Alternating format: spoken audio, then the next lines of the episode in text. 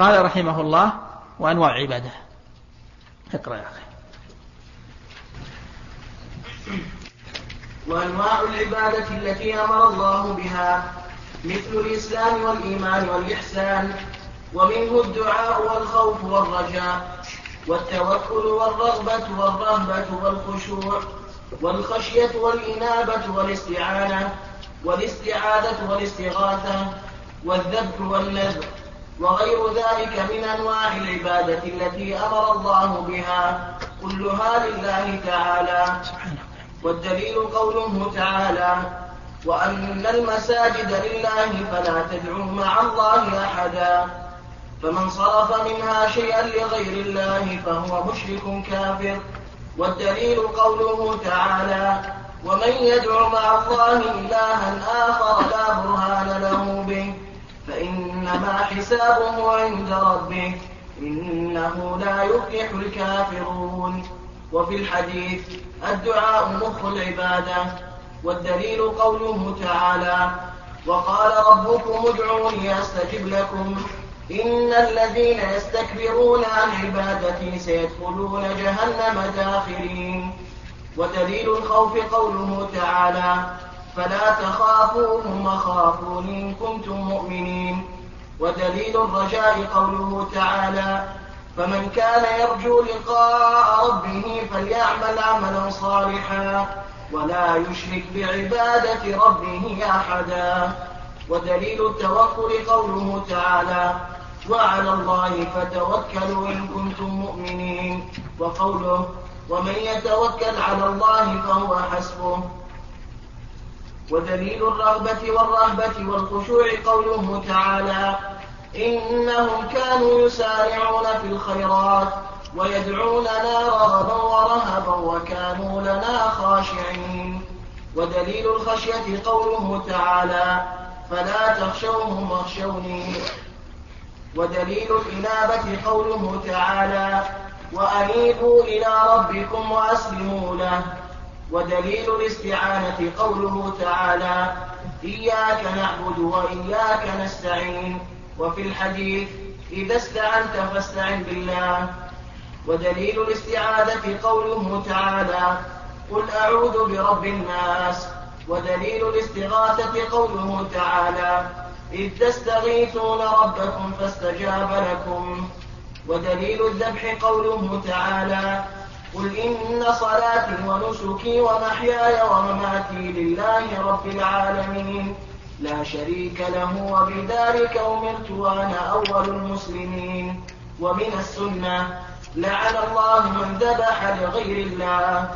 ودليل النذر قوله تعالى يوفون بالنذر ويخافون يوما كان شره مستطيرا. قال رحمه الله وأنواع العبادة التي أمر الله بها مثل الإسلام والإيمان والإحسان. هذا بداية تفصيل لما يجب إفراد الله سبحانه وتعالى به من العبادات. قال رحمه الله مثل الإسلام والإيمان والإحسان. وفهمنا من هذا أن المؤلف رحمه الله لن يستوعب ذكر العبادات إنما مقصوده التمثيل لأهمها وبدأ رحمه الله في ذكر العبادات بذكر أصولها. فأصول العبادات الإيمان الإسلام والإيمان والإحسان. فكل العبادات ترجع إلى هذه الأنواع الثلاثة. الإسلام ترجع إليه عبادات الجوارح والظاهر. الإيمان يرجع إليه عبادات القلب. الإحسان هو منتهى العبادة القلبية. فهذه العبادات فهذه الأمثلة الثلاث هي مراتب هي مراتب هي مراتب الدين. ولذلك لما جاء جبريل وسأل عنها في حديث عمر رضي الله عنه الحديث الطويل المشهور قال في آخره قال رسول الله صلى الله عليه وسلم في آخره هذا جبريل أتاكم يعلمكم أمر دينكم. فوصفها وصف ما تضمنه الحديث بأنه الدين أو أمر الدين. المهم أن هذه المراتب الثلاث هي مراتب الدين وهي أصوله. ثم بعد ذلك فرع المؤلف رحمه الله أمثلة فقال ومنه الدعاء. واعلم أن الدعاء في كتاب الله عز وجل يطلق ويراد به دعاء العبادة ويطلق ويراد به دعاء المسألة. فكل ما فحيث ما ذكر الله الدعاء فيصلح أن يكون دعاء العبادة ويصلح أن يكون دعاء المسألة. إلا في مواضع ينصرف إلى دعاء المسألة كقوله ادعوا ربكم تضرعا وخفية. فهنا المراد بالدعاء دعاء المسألة. فالدعاء والدعوة في كتاب الله عز وجل يراد بها دعاء العبادة ودعاء المسألة. وأظن التفريق بينهما واضح. دعاء العبادة هو كل, كل عبادة يتقرب بها الإنسان لله عز وجل. ودعاء المسألة هو ما ينزله العبد بربه من الحوائج. قال رحمه الله والخوف والرجاء والتوكل والرغبة والرهبة والخشوع والخشية والإنابة والاستعانة والاستعاذة والاستغاثة والذبح والنذر. هذه الأمثلة منها ما هو عبادات قلبية وهو الأكثر والغالب. ومنها ما هو عبادات فعلية ومنه ما هو عبادات قولية.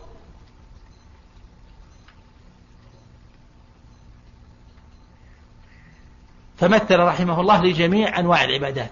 العبادات القولية العبادات الفعلية العبادات القولية. قال رحمه الله وغير ذلك من العبادة التي أمر الله بها كلها لله. طيب ما الضابط؟ الآن المؤلف رحمه الله ذكر مثالا للعباد أمثلة للعبادة. فما هو الضابط الذي ينتظم جميع العبادات؟ نعم. اسم جامع لكل ما يحبه الله ويرضاه. من الأعمال الظاهرة والباطنة. وهناك تعريف آخر وهو أسهل وأوضح وهو أن يقال العبادة كل ما أمر الله به ورسوله. هذا واضح أو لا؟ كل ما أمر الله به ورسوله سواء كان أمر وجوب أو أمر استحباب فإنه عبادة.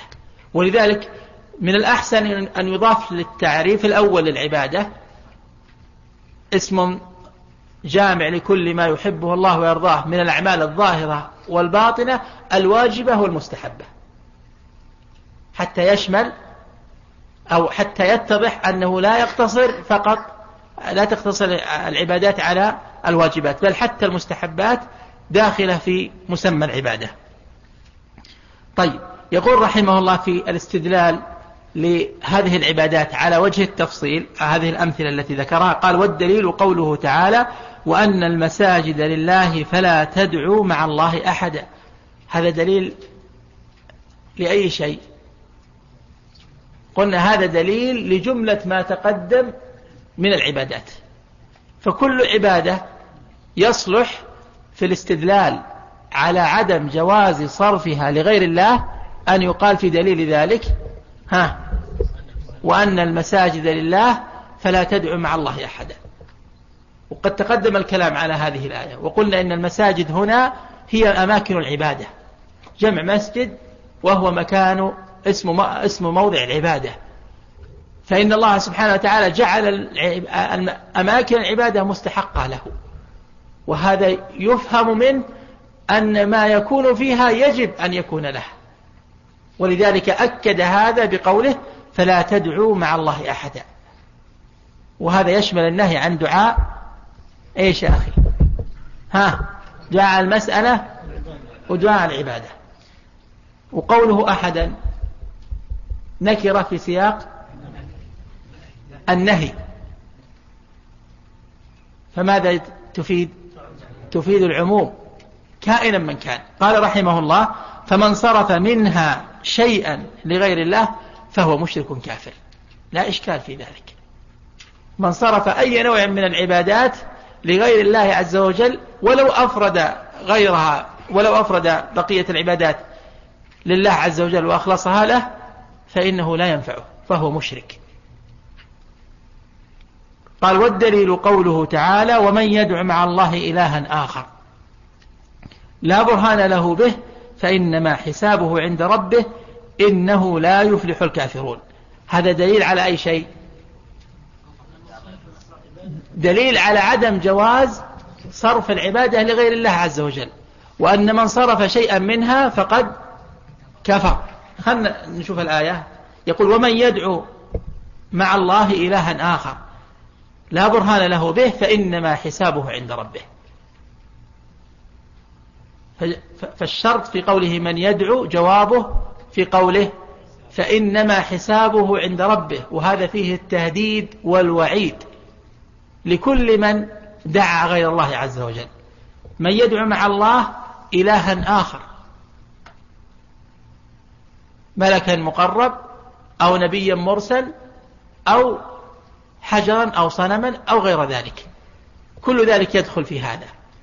فما فائدة القيد في قوله أو نعم آه، فما فائدة قوله تعالى لا برهان له به. هذا وصف. وصف كاشف. وما فائدة الوصف الكاشف؟ زيادة البيان والتوضيح. والتسجيل على هؤلاء الذين صرفوا العبادة لغير الله بأنهم صرفوها بلا بينة ولا برهان. في هذه في هذه الآية. قال فإنما حسابه عند ربه ثم صرح بالحكم على هؤلاء فقال إنه لا يفلح الكافرون. إنه لا يفلح الكافرون. فحكم عليهم بالكفر. لأن الخطاب في من دعا مع الله إلها آخر. فأخبر بأن حسابه عند ربه وأنه لا يفلح الكافرون فتبينت نتيجة الحساب. وهي عدم الفلاح. فنفى عنه تحصيل المطلوب والأمن من المرهوب. وهذه الآية دالة. واجدللت على أن من صرف شيئا لغير الله فقد أشرك. قوله من يدعو مع الله إلها. فقوله إلها نكرة في سياق الشرط فتعم كل مدعو وتعم أيضا كل دعاء فالعموم في المدعو والعموم في الفعل أيضا. العموم في المدعو والعموم في الفعل وهو الدعاء. واعلم أنه يشمل دعاء العبادة ودعاء المسألة. وقد ذكر شيخ الإسلام رحمه الله قاعدة مفيدة. قال حيث ماذا رأيت؟ الله جل وعلا حيثما رأيت الله سبحانه وتعالى ذكر في كتابه دعاء الكفار والمشركين فاعلم أن المقصود به دعاء العبادة المتضمن لدعاء المسألة. وهذا يريحك إذا ضبطت هذا الضابط واستحضرته أراحك فيما ذكره الله عز وجل من الدعاء والدعوة عن المشركين في كتابه. فإنه المقصود به دعاء العبادة المتضمن لدعاء المسألة. قال رحمه الله في الاستدلال على أفراد العبادات التي مثل لها قال وفي الحديث الدعاء مخ العبادة. وهذا الحديث رواه الترمذي من حديث أنس رضي الله عنه وهو حديث متكلم فيه.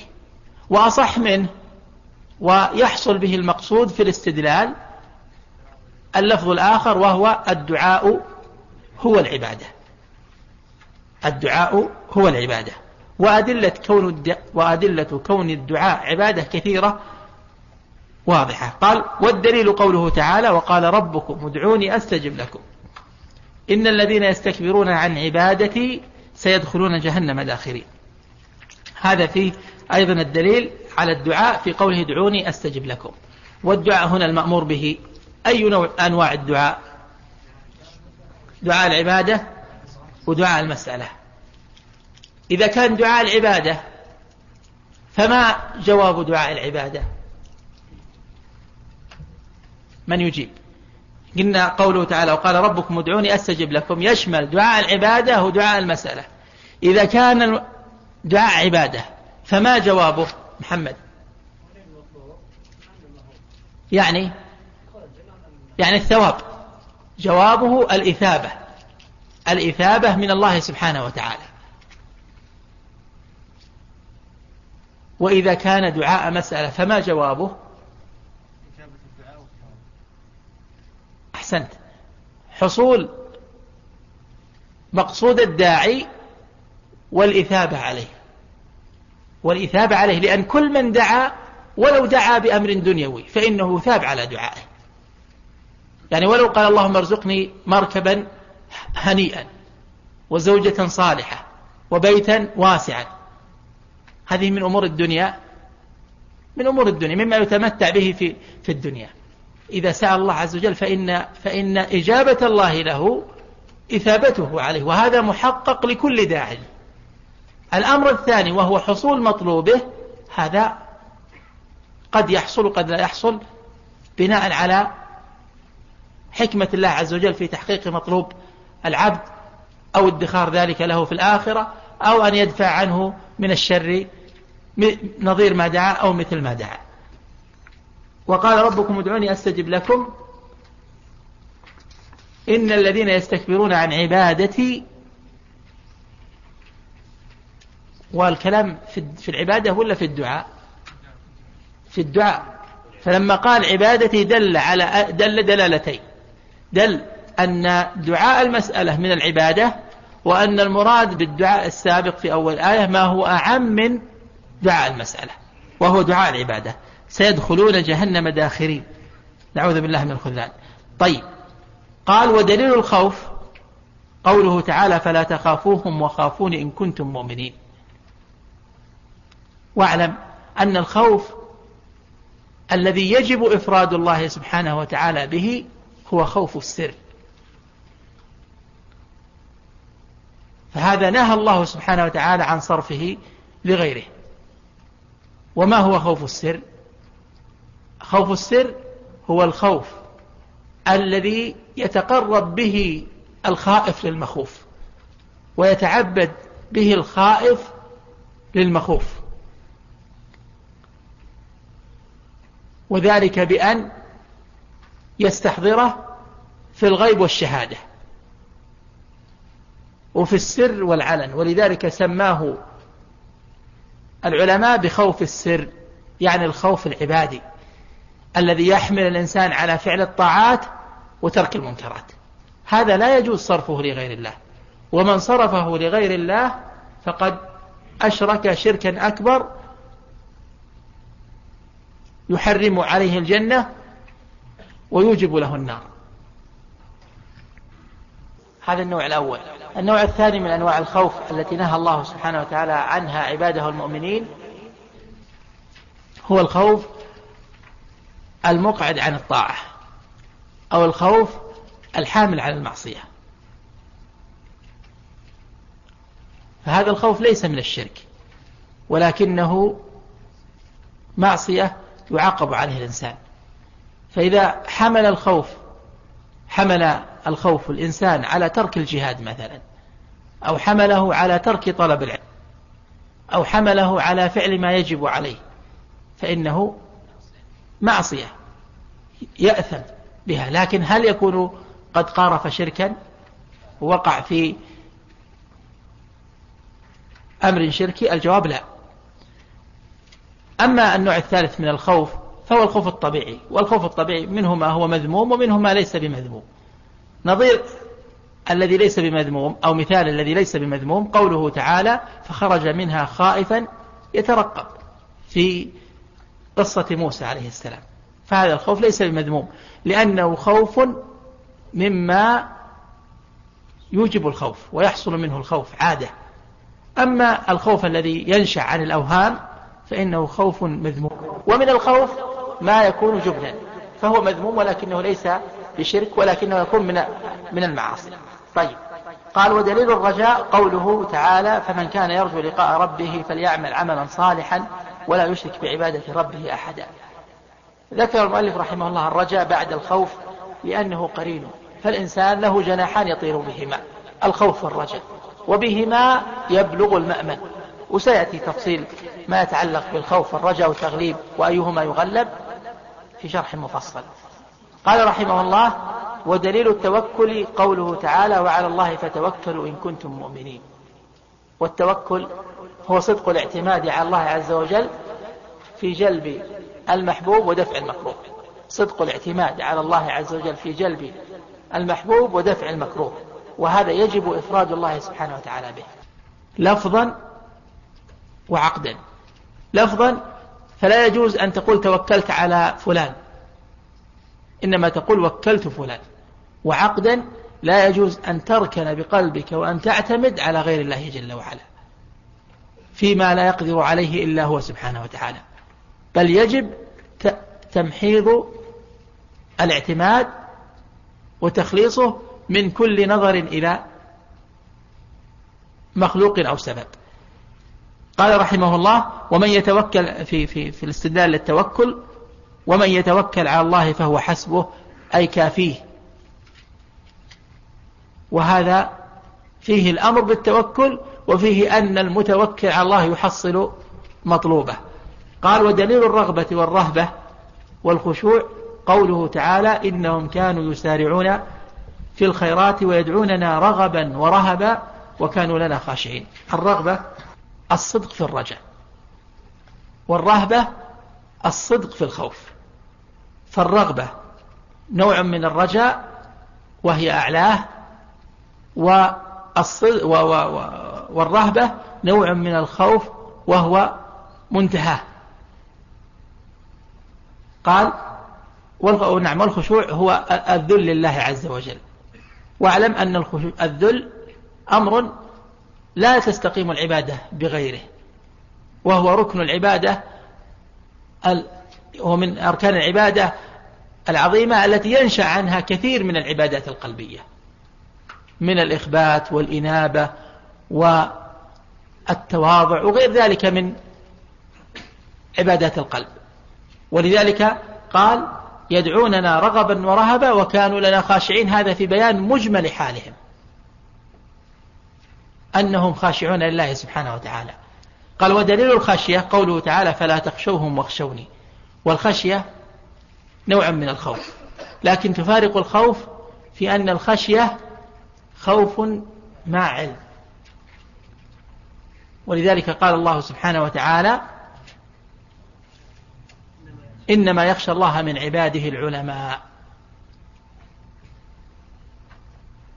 فالخشية خوف خوف مع علم وذكر فروق أخرى لكن هذا أبرز ما ما ما يكون. قال ودليل الإنابة قوله تعالى وأنيبوا إلى ربكم وأسلموا له والإنابة هي الرجوع. وذكرنا لكم أن الإنابة لا يتصف بها الإنسان ولا تتحقق له إلا بأربعة أمور. في التفسير قريبا عند قوله لكل عبد منيب. ما هي الأوصاف؟ آه عمر. العلم لا بد منه لكن ذكرنا ها عبد الله. والإقبال عليه. والإقبال عليه. هذه الأربع طيب. قال رحمه الله ودليل الإناء ودليل الاستعانة. قوله تعالى إياك نعبد وإياك نستعين الاستعانة طلب العون. وطلب العون من الله جل وعلا يكون في يكون على الأمور الدينية وعلى الأمور الدنيوية.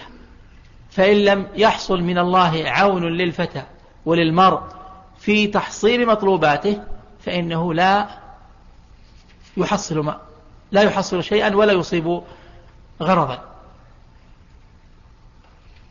وقد ذكرها الله في كتابه بعد العبادة لأنها فرع الإقرار بألوهية الله سبحانه وتعالى.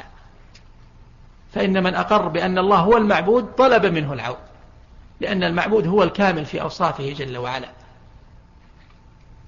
فإياك نعبد هذا فيه إثبات الربوبية فيه, فيه إثبات فيه إثبات ألوهيته سبحانه وتعالى. وإياك نستعين فيه إثبات ربوبيته لأنه إنما يستعان المالك الرازق المدبر الخالق الذي بيده الأمر وله الأمر كله جل وعلا. قال وفي الحديث إذا استعنت فاستعن بالله. واعلم أن إفراد الله بالاستعانة وإخلاص الاستعانة به سبحانه وتعالى دون غيره وإخلاص الاستعانة له أيضا كل هذا في الاستعانة العبادية. وأما الاستعانة بالمخلوق فيما يقدر عليه وهو حاضر أو وهو غائب ويتصل به إما بمباشرة أو بكتاب فإن هذا ليس محظورا ولا يخل بالتوحيد. ولكن تركه من كمال العبد. ولذلك كان الأصل في سؤال الناس وطلبهم النهي. قال ودليل استعاذة قول الله تعالى قل أعوذ برب الناس الاستعاذة هي طلب العوذ ودليل استغاثة قوله إذا إذ تستغيثون ربكم فاستجاب لكم والاستغاثة طلب الغوث. والفرق بينهما أن الاستعاذة دفع والاستغاثة رفع. فالاستعاذة طلب دفع الشر قبل وقوعه. هذا في الغالب. والاستغاثة طلب رفعه بعد نزوله. واعلم أن الاستعاذة والاستغاثة تارة تكون عبادة لا يجوز صرفها لغير الله عز وجل وتارة تكون عادة. يجوز أن تكون من المخلوق وتطلب من المخلوق. نظير الاستعاذة التي تجوز من المخلوق ما جاء في صحيح مسلم في خبر الدجال أن النبي صلى الله عليه وسلم قال من سمع به فلينأى عنه وفيه قال ومن وجد معاذا أو ملاذا فليعذ به. فليعذ به. فدل ذلك على جواز الاستعاذة بالمخلوق فيما يقدر عليه. إذا كان حاضرا. وكذلك الاستغاثة تجوز الاستغاثة بالمخلوق في الأمر العادي الذي يقدره الذي يقدر عليه وهو حاضر. ومثال هذا ما جرى من صاحب موسى. فاستغاثه الذي من شيعته على الذي من عدوه. الآية. فدل ذلك على جواز طلب الاستغاثة من المخلوق الحاضر فيما يقدر عليه. إذا فهمنا أن الاستعاذة والاستغاثة والاستعانة تارة تكون عبادة فلا يجوز صرفها لغير الله عز وجل. وتارة تكون عادة فهذا يجوز بالقيود التي تقدمت. قال رحمه الله ودليل الذبح. الذبح يطلق على شق حلق الحيوان. هذا من حيث اللغة. والمراد به هنا ذبح ما يتقرب به. ذبح ما يتقرب به.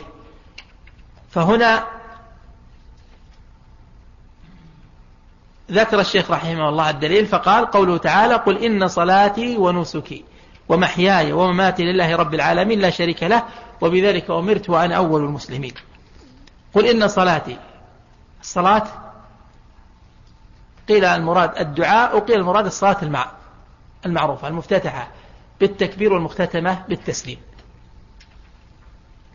فالصلاة لله جل وعلا. والنسك قوله نسكي النسك قيل في تفسيره ما يتقرب به إلى الله عز وجل من الذبائح والقرابين. وقيل إن النسك هنا يشمل كل ما يتعبد به. والنسك في اللغة يطلق على ما يتقرب به من العبادات غير الذبح ومنه الحج والعمرة. فهي من المناسك وهي ليست ذبحا ولا تقربا بذبحه. المهم أن النسك يشمل الذبح ويشمل غيره ومحياي ومماتي أي عمل أي عمل حياتي وعمل موتي. كل هذا لله رب العالمين. وهذا فيه بيان وجوب إفراده سبحانه وتعالى.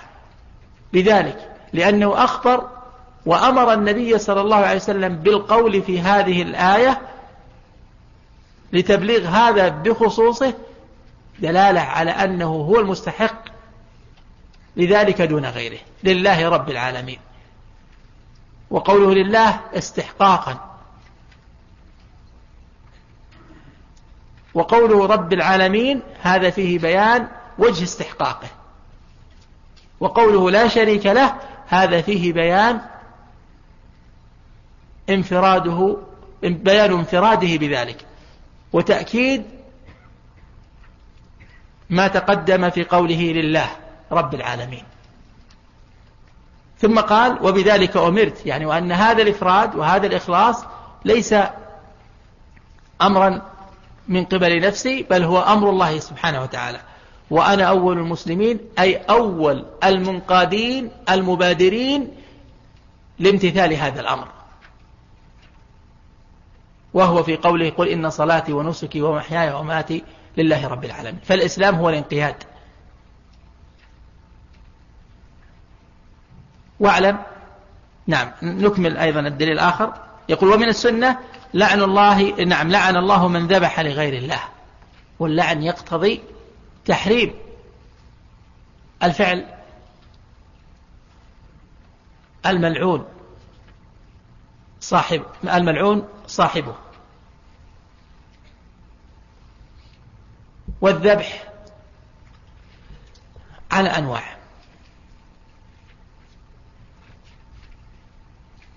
نبينها على وجه آه، الإيجاز. النوع الأول الذبح, لغير الذبح لله عز وجل مع ذكر اسمه. هذا هو المأمور به. فتذبح لله قصدا وتفرده لفظا. فتقول بسم الله عند الذبح. هذا هو الذي أمر الله سبحانه وتعالى به وأحله لأهل الإسلام. الثاني من أنواع الذبح الذبح لغير الله قصدا ولفظا. فيقصد بذبيحته مثلا وليا من الأولياء أو ملكا من الملائكة أو أحدا من الجن أو صنما. ويسمي المقصود. فيذبح مثلا لعلي بن أبي طالب أو للحسين بن علي. قصدا يريد التقرب إليه بهذا الذبح. ويقول عند ذبحه باسم الحسين أو باسم علي أو باسم النبي أو باسم جبريل. هذا شرك أكبر يخرج صاحبه من الملة. وهذا لا إشكال فيه ولا خلاف بين أهل العلم في أن من, من فعل هذا فقد خرج من دائرة الإسلام وخلع ربقة الإيمان وليس من أهل القبلة. لوقوعه في الشرك الذي جاءت الرسل بالتحذير منه والنهي عنه. القسم الثالث أن يذبح لله قصدا وأن ويذكر اسم غيره لفظا. ففي العقيقة مثلا يتقرب إلى الله بالذبح. في الهدايا التي تهدى إلى البيت الحرام يقصد بها التقرب إلى الله عز وجل. لكن عند الذبح يذكر غير الله. يذكر ملكا أو إنسا أو جنا أو ما إلى ذلك مما يشرك به وتصرف العبادة إليه. فهذا شرك وكفر. كالنوع الأول. وإن كان أخف منه درجة لكنه شرك وكفر لأنه مما أهل به لغير الله.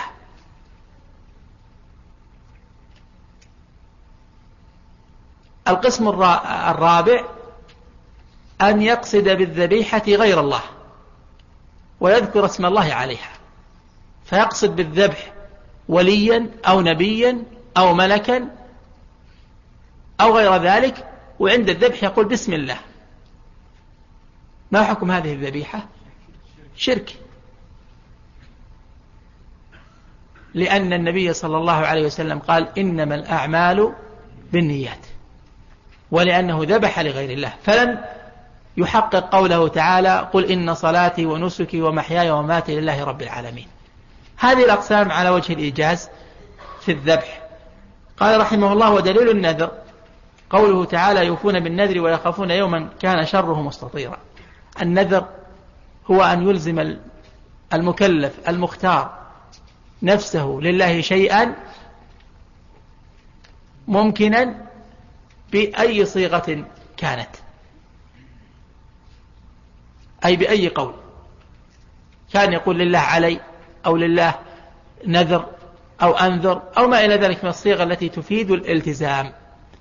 الأصل في النذر أنه منهي عنه ولكن إذا نذر الإنسان وجب عليه الوفاء بنذره.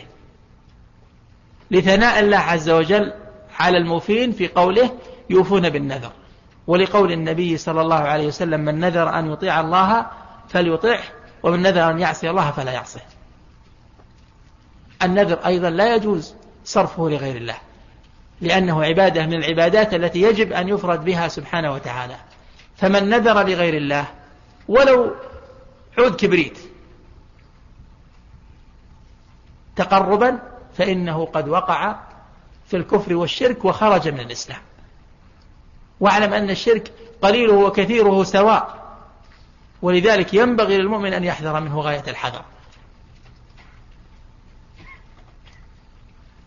ومقصودي بقليله وكثيره سواء في خروج الإنسان عن الإسلام إذا كان شركا أكبر وفي حصول التهديد له والعقوبة إن كان شركا أصغر.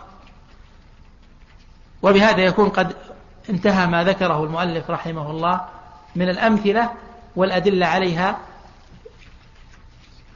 من أمثلة العبادة والأدلة عليها. نقف على هذا ونأخذ أسئلة إن كان هناك.